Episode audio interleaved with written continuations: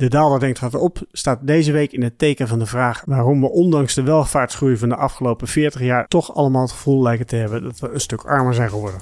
Komt-ie!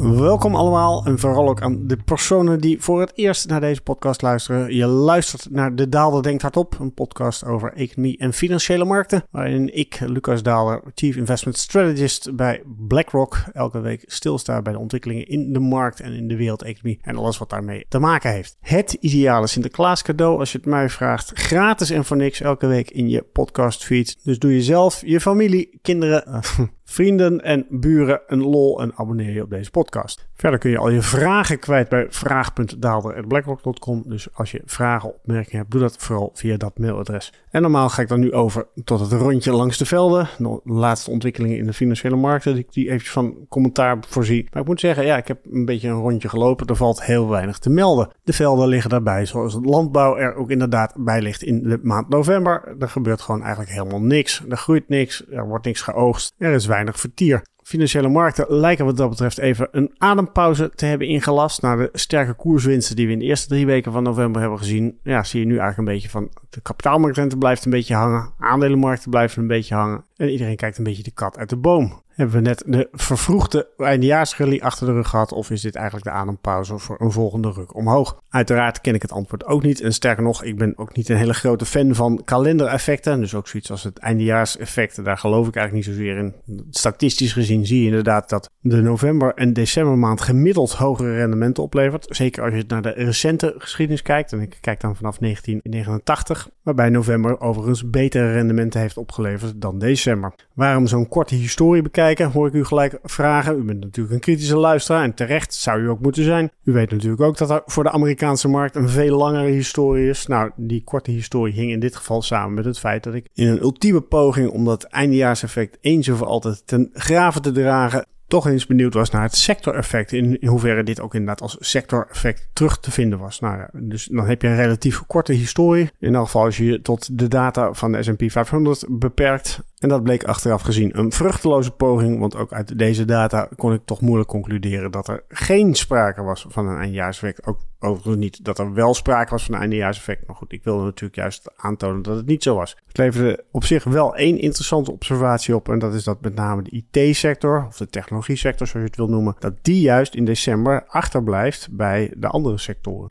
De afgelopen 34 jaar leverden utilities een gemiddeld rendement van 2,1% op, industrials van 1,9% en materials van 1,8%. Terwijl de teller voor de IT-sector, de toch wel over het algemeen sterk presterende IT-sector, op slechts 0,4% bleef haken. Overigens heb je hier wat mij betreft dus echt helemaal niks aan, want resultaten uit het verleden bieden geen enkele garantie voor de toekomst. En dat geldt zeker voor dit soort historische analyses. Dat is ook precies de reden waarom ik juist niet heel erg gecharmeerd ben van het kalendereffect. Want het feit dat het in het verleden heeft plaatsgevonden, zegt natuurlijk helemaal niks over of het dit jaar wederom gaat plaatsvinden. Ik zou zeggen, wees voorzichtig met dit soort analyses. Nou, als we dan niet over financiële markten gaan hebben, waar gaan we het dan wel over hebben? Nou, dat is eigenlijk een thema wat al een tijdje in mijn hoofd zit. Wat ik al met enige regelmaat van denk, daar moet ik iets mee. En dat begint eigenlijk met het feit dat ik een trouwe luisteraar ben van de podcast van Maarten van Rossum. Die oude brombeer die elke week twee of drie keer een podcast dropt, zullen we maar zeggen. Om even populair te blijven. Waarbij een van zijn terugkerende observaties is dat Nederland een van de rijkste landen van Europa is. Maar dat we op een of andere manier toch alsmaar het gevoel hebben dat we aan het inleveren zijn.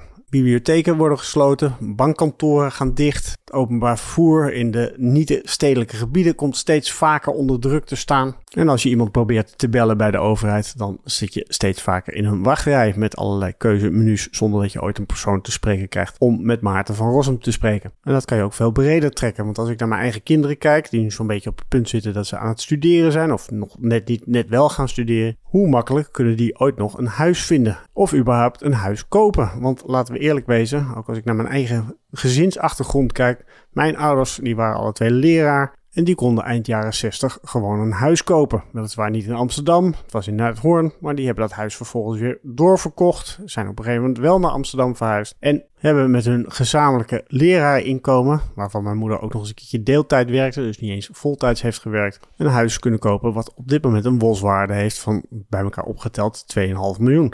Nou woont mijn moeder er niet meer, die heeft het huis weer verkocht. Mijn vader woont er nog wel, dus het is ook niet het hele huis wat ze nu nog in bezit hebben. Maar het feit dat je met je leraarsalaris een dergelijke stap kon maken, ja, dat is tegenwoordig ondenkbaar. Dat roept natuurlijk de vraag op, hoe kan dat nou? Zijn we nou wel rijker of zijn we nou niet rijker? En dit geeft natuurlijk ook wel een goede verklaring waarom er zoveel onvrede is. Als we allemaal het gevoel hebben dat we niet rijker zijn geworden, terwijl we toch rijker zijn geworden, ja, dat leidt natuurlijk tot spanningen, wat tot gevolg kan hebben dat je de verkiezingsuitslagen krijgt die we vorige week hebben gezien. Is het inderdaad de ongelijkheid die toegenomen is in de Nederlandse samenleving? Zijn er verkeerde beleidskeuzes gemaakt of is er toch wat meer aan de hand structureel? Ik ga een poging wagen om antwoord te geven op deze vragen, waarbij ik me overigens terdege bewust ben van het feit dat een antwoord waarschijnlijk heel erg subjectief zal zijn. Dus niet iedereen zal het met mijn antwoord eens zijn. En ik sta altijd open voor extra aanvullingen, dus mocht je inderdaad na het luisteren van deze podcast denken, hé hey, wacht, die daalder die denkt wel hardop, maar die vergeet gewoon een belangrijk punt. Stuur het dan eventjes naar vraag.daalder.blackrock.com en dan kan ik dat misschien een volgende uitzending meenemen. En laat ik dan gelijk maar met het huizenvoorbeeld beginnen. Want ik denk dat er vrij weinig twijfel bestaat dat de huizenmarkt in de jaren 60 nog wel betaalbaar was. In de jaren 80 misschien ook nog wel. Maar dat het inmiddels op een punt is beland waarvan je denkt van ja, hoe kunnen mijn kinderen dit ooit nog gaan betalen? Nou, ik denk dat het antwoord op zich wel voor de hand ligt. Nederland is een klein land waarbij de grenzen voor huizenbouw duidelijk gelimiteerd zijn. Het zij door bestemmingsplannen, het zij door een regelgeving ten aanzien van de bouw. Denk hierbij bijvoorbeeld aan stikstofbeperkingen en dergelijke. Ja, op het moment dat je dan ziet dat de bevolking groeit, maar het huizenbestand daarbij achterblijft, ja, dan krijg je vanzelf dat je zal zien dat het steeds onbetaalbaarder wordt. De prijzen gaan omhoog. Wie hebben hierbij mazzel? Nou, dat zijn mijn ouders, die dus inderdaad in een vroeg stadium in die markt zijn gestapt. Wie hebben hierbij pech? Nou, dat zijn natuurlijk de nieuwkomers die graag hun eigen woning zouden willen hebben. Overigens speelt welvaart hier wel degelijk ook een rol. Het moment dat jij meer geld hebt, meer vermogen hebt, kan je een tweede huis permitteren. En kan je groter gaan wonen. En dat zie je natuurlijk ook terug in het aantal vierkante meter wat wij Nederlanders ter beschikking hebben als woningoppervlakte. Ik las laatst in een column in het RC dat de Nederlanders per persoon gemiddeld 65 vierkante meter huis ter beschikking hebben. Tegen de Duitsers 44, nee 46 en de Britten 44. En dan moet ik toch altijd denken aan André Hazes, die met vier broers en één zus op de Gerard Douwstraat 67 3 hoog woonde. Die toch behoorlijk wat minder dan die 65 vierkante meter van nu tot zijn beschikking gehad zal hebben. We zijn wat dat betreft ook wel veel eisender geworden. Dus wat dat betreft loop je ook sneller tegen de grens aan. Dat neemt overigens niet weg dat er inderdaad sprake is van een veel grotere bevolking die op een ongewijzigd stukje land moet gaan wonen. Ja, dan krijg je vanzelf spanningen. En dat vervolgens ook iedereen gaat zeggen, ja, dat komt door die bevolkingsgroei en dat komt weer door die buitenlanders. Dat is ook niet helemaal onrealistisch toch valt hier ook wel het een en ander af te dingen. En daar moest ik aan denken toen ik naar een podcast zat te luisteren. Het zal dus niet van Freakonomics Radio. De editie heette Why is it so hard and expensive to build anything in America? En hierbij ging het mij voornamelijk om dat and expensive part van de toevoeging van de titel. Waarom is het eigenlijk zo duur om iets te bouwen in Amerika? Het interessante van deze podcast is dat er heel duidelijk wordt gesignaleerd dat de productiviteitsgroei van de bouwsector in Amerika, en niet alleen in Amerika, maar wereldwijd kun je haast zeggen, al jarenlang min of meer op nul staat. Het is best wel moeilijk om daar een soort van productiviteitswinst te boeken. Vooral ook omdat je eigenlijk altijd op één locatie werkt. Je kan het dak pas leggen op het moment dat de fundering is neergelegd en de muren zijn opgericht. En de binnenhuisarchitect kan ook pas aan de slag op het moment dat het allemaal staat. Ieder bouwproject heeft zijn eigen specificaties. En waar automatisering in bijvoorbeeld de dienstensector grote productiviteitswinst tot gevolg kan hebben, is dat toch best wel moeilijk om dat in de bouw ook te realiseren. En waarom is dat relevant? Nou ja, dat brengt ons bij een econoom William Baumol, die in de jaren 60 in het kader hiervan over kostdices had. Want wat gebeurt er op het moment dat je één sector hebt die qua productiviteit achterblijft bij de andere sectoren? Die zal toch een vergelijkbaar salarisgroei moeten laten zien. Met als gevolg dat je ziet dat de loonkosten eigenlijk steeds zwaarder beginnen te tellen. Waar dat bij een zeer productieve sector per eenheid product eigenlijk wel meevalt, die groei, gaat dat bij een minder productieve sector natuurlijk steeds meer optellen. Kortom, die sectoren worden steeds duurder en de output die ze leveren wordt daarmee ook steeds duurder. Dus zelfs als je te maken hebt met een land wat heel groot is, waar voldoende ruimte is en waar in principe minder beperkingen zijn voor het bouwen van huizen, zul je op een gegeven moment toch zien dat inderdaad de huizensector ja, steeds duurder wordt. Kortom, het is niet puur een Nederlands probleem dat we een klein landje hebben met een relatief beperkte ruimte om nieuwe huizen te bouwen. Het is gewoon een structureel probleem wat je inderdaad overal terugziet. In Amerika, in Canada, in het VK, overal zie je dat woonkosten duurder zijn geworden. En dat betekent automatisch dat de volgende generatie minder gemakkelijk diezelfde stappen kan maken dan de voorgaande generatie heeft weten te zetten. Nou, daarmee heb ik eigenlijk al een mooie opmaat gemaakt naar de vervolgstap. Want dit gaat natuurlijk alleen maar over de huizen. Maarten van Rossum had het veel meer over ja, zeg maar de dienstverlening die de overheid als geheel biedt. Denk aan busdiensten, denk aan bibliotheken, denk aan scholen. Nou, dat zijn toevallig ook allerlei diensten die juist precies met datzelfde probleem te maken hebben. Een lage productiviteitsgroei. En ik geef je even een quote van een artikel van The Economist van enige tijd terug. As the real wages of doctors, nurses, and teachers go up at a rate set by the other parts of the economy, so does the spending. Je kunt je medewerkers alleen maar vasthouden door ze een competitief loon te geven. Ja, als dan vervolgens de productiviteit niet oploopt, dan zie je per saldo dat de kosten van deze tak van sport steeds groter wordt. En laat dat nou het grote probleem zijn, want dit zijn toevallig nou net de sectoren waar met name de overheid actief in is. Denk aan de gezondheidszorg, denk aan de leraar. Het zijn allemaal kosten die voor het grootste gedeelte gedragen moeten worden door de overheid. En dat betekent dus dat deze factoren steeds zwaarder gaan leunen op het algemene budget van de overheid. In de keuze of je een busdienst naar Ratem in stand houdt of een ambtenaar iets meer salaris geeft in de hoop dat hij blijft hangen, ja, dan is die keuze denk ik vrij snel gemaakt. En dan heb je dus helemaal niet over een zeer bewuste keuze voor neoliberalisme, waarbij de markt steeds grotere rol moet spelen. Dat heeft zeker een rol gespeeld, hè? laat ik dat ook eh, even voorop eh, zeggen. Maar dit is gewoon puur een structurele factor die een rol speelt bij het verdelen van de koek die je als overheid hebt. Je hebt beperkte inkomsten, je ziet bepaalde uitkomsten juist structureel stijgen. Ja, dan moet je ergens gaan snijden. En dat betekent inderdaad dat je op een gegeven moment niet meer 20 jaar mag studeren. En dat je niet meer zomaar iemand aan de lijn krijgt op het moment dat je als burger een vraag hebt waar je geen antwoord op weet te vinden. Vervelend, maar tegelijkertijd waarschijnlijk ook wel onoverkomelijk. En dan hebben we het nog niet over al die andere uitgaven die op de overheid afkomen. Want denk eens aan de energietransitie. Een miljardenproject waarvan iedereen van tevoren al weet dat ja, er heel veel kosten gemaakt zullen moeten gaan worden. Nou, deels kan dat misschien worden opgehoest door het bedrijfsleven. Maar voor een belangrijk deel zal het toch ook de overheid zijn die inspringt. Denk bijvoorbeeld aan de compensatie voor al die consumenten die opeens hogere energieprijzen moeten gaan betalen. Of denk bijvoorbeeld aan de geopolitieke situatie van de afgelopen, laten we zeggen, vijf, tien jaar. De verslechtering die we daar zien, het aantal oorlogen wat toeneemt. Jaren hebben we de 2%-norm die de NAVO hanteert voor de defensieuitgaven naast ons neergelegd. Ja, nu zullen we opeens weer aan de bak moeten, want we hebben overal oorlogen die gefinancierd moeten worden. Net als je denkt dat het zo wel genoeg is, dient zich een nieuwe structurele uitgavenpost aan. En dat zijn de hogere rentelasten. Schuld is wereldwijd alleen maar verder toegenomen de afgelopen 10, 20 jaar. De rente stond alsmaar heel laag, maar is inmiddels natuurlijk opgelopen. En dat betekent dat er ook van die kant opeens een nieuwe uitgavenpost op de overheid afkomt. Ik herken de nostalgische wens om terug te keren naar de dienstverlening die de overheid vroeger kon bieden. Maar laat ik één illusie uit de wereld helpen. Het is onbetaalbaar om dat ooit weer op hetzelfde niveau terug te krijgen. En hierbij kom ik denk ik bij het derde punt, wat toch inderdaad wel een structurele trend is. Dus eentje die niet snel te keren is. En dat is er eentje die onder economen bekend staat als de demographic dividend. En ook hier doe ik het weer even naar aanleiding van een quote, in dit geval van het IMF. At an early stage of this transition, fertility rates fall, lending to fewer young mouths to feed. During this period, the labor force temporarily grows more rapidly than the population dependent on it, freeing up resources for investment in economic development and family welfare.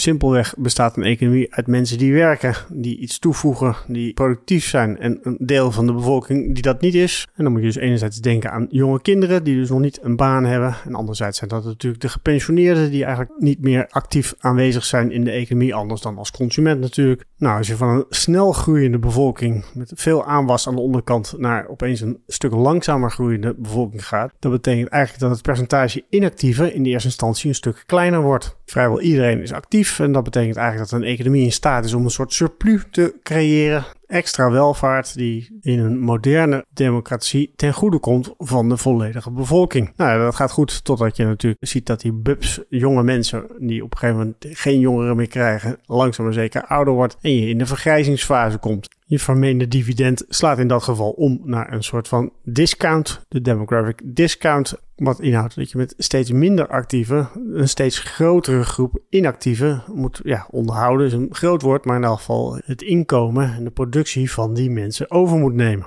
Dan ga ik weer eventjes terug naar het IMF. This dividend period is quite long, lasting five decades or more. Nou wordt het niet specifiek in dat IMF-stuk genoemd wat het voor Nederland die periode is geweest. Maar je kan ervan uitgaan dat vanaf de jaren 60 zijn we begonnen met minder kinderen krijgen. Dus toen vervolgens kregen we 50 jaar de wind in de rug in de vorm van een demographic dividend. Om vervolgens de wind te zien keren, die inmiddels is omgeslagen in een ja, toch wat gure tegenwind. Vergrijzing gaat met heel veel kosten gepaard. In de eerste instantie alleen al de AOW-uitgaven die natuurlijk elk jaar zullen gaan oplopen. Maar denk ook bijvoorbeeld aan de gezondheidszorg. Wederom een van de taken van de overheid. Die kosten zullen de komende jaren alleen maar verder gaan oplopen.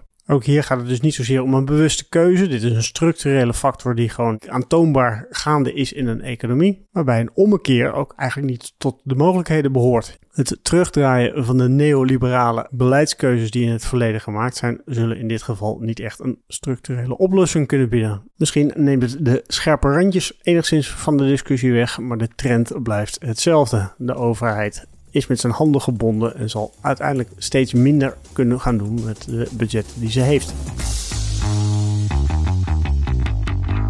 De lage productiviteit in essentiële sectoren, de grote belangen van die sectoren in de overheidsuitgaven vergrijzing, zijn dat dan echt de enige redenen waarom we nu tegen dat tekort aanlopen of tegen het gevoel aanlopen dat we wel rijker zijn geworden, maar toch niet rijker zijn geworden? Ik denk het zeker niet. Er zijn ook wel degelijk bewuste keuzes gemaakt die het zaakje verergerd hebben. En hierbij moet je bijvoorbeeld denken aan de alsmaar toenemende macht van het grote bedrijfsleven. Niet zozeer het midden- en kleinbedrijf. Ik geloof niet dat die nou heel erg de wind in de zeilen hebben gehad de afgelopen 10, 20, 30 jaar. Maar als je puur kijkt naar de winstgevendheid van de multinationals, met name de Amerikaanse multinationals, dan kan je moeilijk dan anders concluderen dat een steeds groter deel van de koek bij die bedrijven terechtkomt. Als je bijvoorbeeld de arbeidsinkomensquote van Amerika erbij pakt, dan zie je dat die eigenlijk structureel trendmatig sinds de jaren 70 onder druk is komen te staan. Dat betekent dat er meer geld naar bedrijven is gegaan, minder geld naar arbeid in dit geval. En dat heeft deels te maken met de internationale concurrentie om dat bedrijfsleven, maar vooral in eigen land te houden. Dus je ziet hoeveel geld er gemoeid is met de herallocatie van het hoofdkantoor van, nou, noem een multinational naar keuze binnen een van de staten van Amerika. Wat voor circus daarbij komt kijken en hoeveel subsidies er wel niet op de tafel komen te liggen om zo'n bedrijf vooral naar je eigen staat te krijgen. Ja, dat zie je niet alleen binnen Amerika, dat zie je natuurlijk wereldwijd ook terug. Ook binnen Europa ken je de landen wel waar men via hele laag belastingen getracht heeft om zoveel mogelijk bedrijven aan zich te binden. De eh, directe consequentie hiervan is natuurlijk dat er inderdaad lagere belastinginkomsten zijn voor de wereld als geheel, maar ook als regio. Wat dan vervolgens inderdaad wel weer druk zet op die overheid, wat die nou precies voor taken wel of niet kan aanbieden aan haar burgers. Daarnaast denk ik dat het verschil tussen rijk en arm wel degelijk groter geworden is de afgelopen 30 jaar. Qua inkomen valt het in Nederland nog wel mee, maar als je naar het vermogen kijkt, zijn de verschillen tussen de haves en de have-nots toch wel behoorlijk toegenomen de afgelopen 10, 20 jaar. En aangezien welvaart toch over het algemeen relatief wordt gezien, niet zozeer van wat heb ik nou eigenlijk, heb ik voldoende eten, heb ik een warm bad, heb ik een huis. Nee, je spiegelt je toch altijd aan de buren, en niet direct de figuurlijke buren, maar in elk geval de mensen om je heen. Kan ik me best voorstellen dat dit het gevoel van verlies van welvaart stevig in de kaart speelt. Waarschijnlijk zijn we allemaal echt wel rijker en welvarender dan 30, 40 jaar geleden.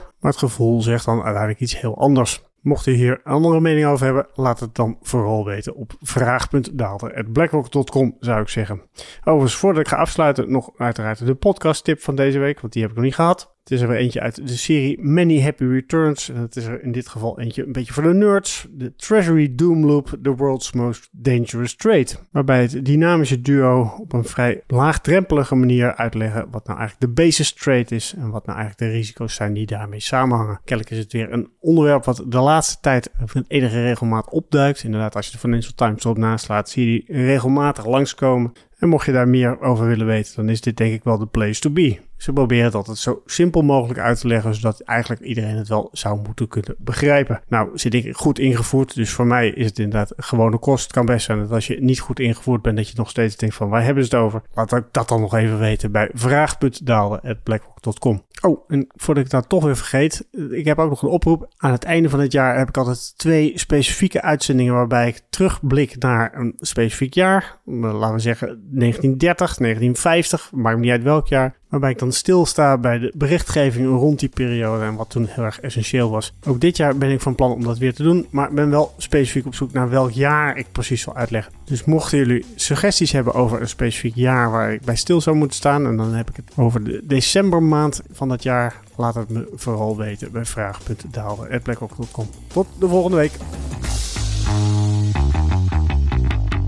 Risicowaarschuwingen. Beleggingsrisico. De waarde van beleggingen en de opgebrachte inkomsten kunnen variëren. Het is niet zeker dat u uw oorspronkelijke inleg terug ontvangt. Dit is een marketinguiting. In het verleden behaalde resultaten geven geen betrouwbare indicatie van het huidige of toekomstige rendement en dienen niet als enige criterium te worden genomen bij de selectie van een product of strategie. Veranderingen in de wisselkoersen van valuta's kunnen ertoe leiden dat de waarde van beleggingen stijgt of daalt. Deze schommelingen kunnen bijzonder sterk zijn bij een fonds dat blootstaat aan een hogere volatiliteit en de waarde van een belegging kan plotseling en zeer sterk dalen. De fiscale regelgeving waaraan beleggingen onderworpen zijn en de hoogte van de belasting kunnen in de loop der tijd wijzigen. BlackRock kan op elk moment besluiten een fonds niet langer aan te bieden. Belangrijke informatie. Deze podcast is alleen bestemd voor professionele beleggers volgens de MIFID-richtlijn. Andere personen dienen niet op de hier geboden informatie te vertrouwen.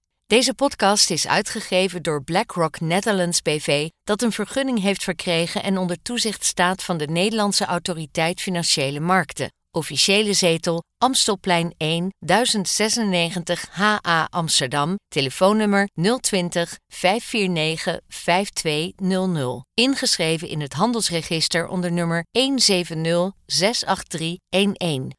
Om u te beschermen worden telefoongesprekken doorgaans opgenomen. Alle in deze podcast vermelde researchgegevens zijn verstrekt door BlackRock en kunnen door BlackRock inmiddels voor eigen doeleinden gebruikt zijn. De resultaten van dergelijke research worden slechts incidenteel verstrekt. De hier geuite visies vormen geen beleggingsadvies en kunnen aan verandering onderhevig zijn. Ze weerspiegelen niet altijd de gezichtspunten van een bepaalde onderneming binnen de BlackRock groep of van een afdeling daarvan en de juistheid ervan kan niet worden verzekerd. Deze podcast is uitsluitend bestemd ter informatie. Het vormt geen aanbod of uitnodiging om te beleggen in een van de fondsen van BlackRock en is niet opgesteld in verband met een dergelijk aanbod.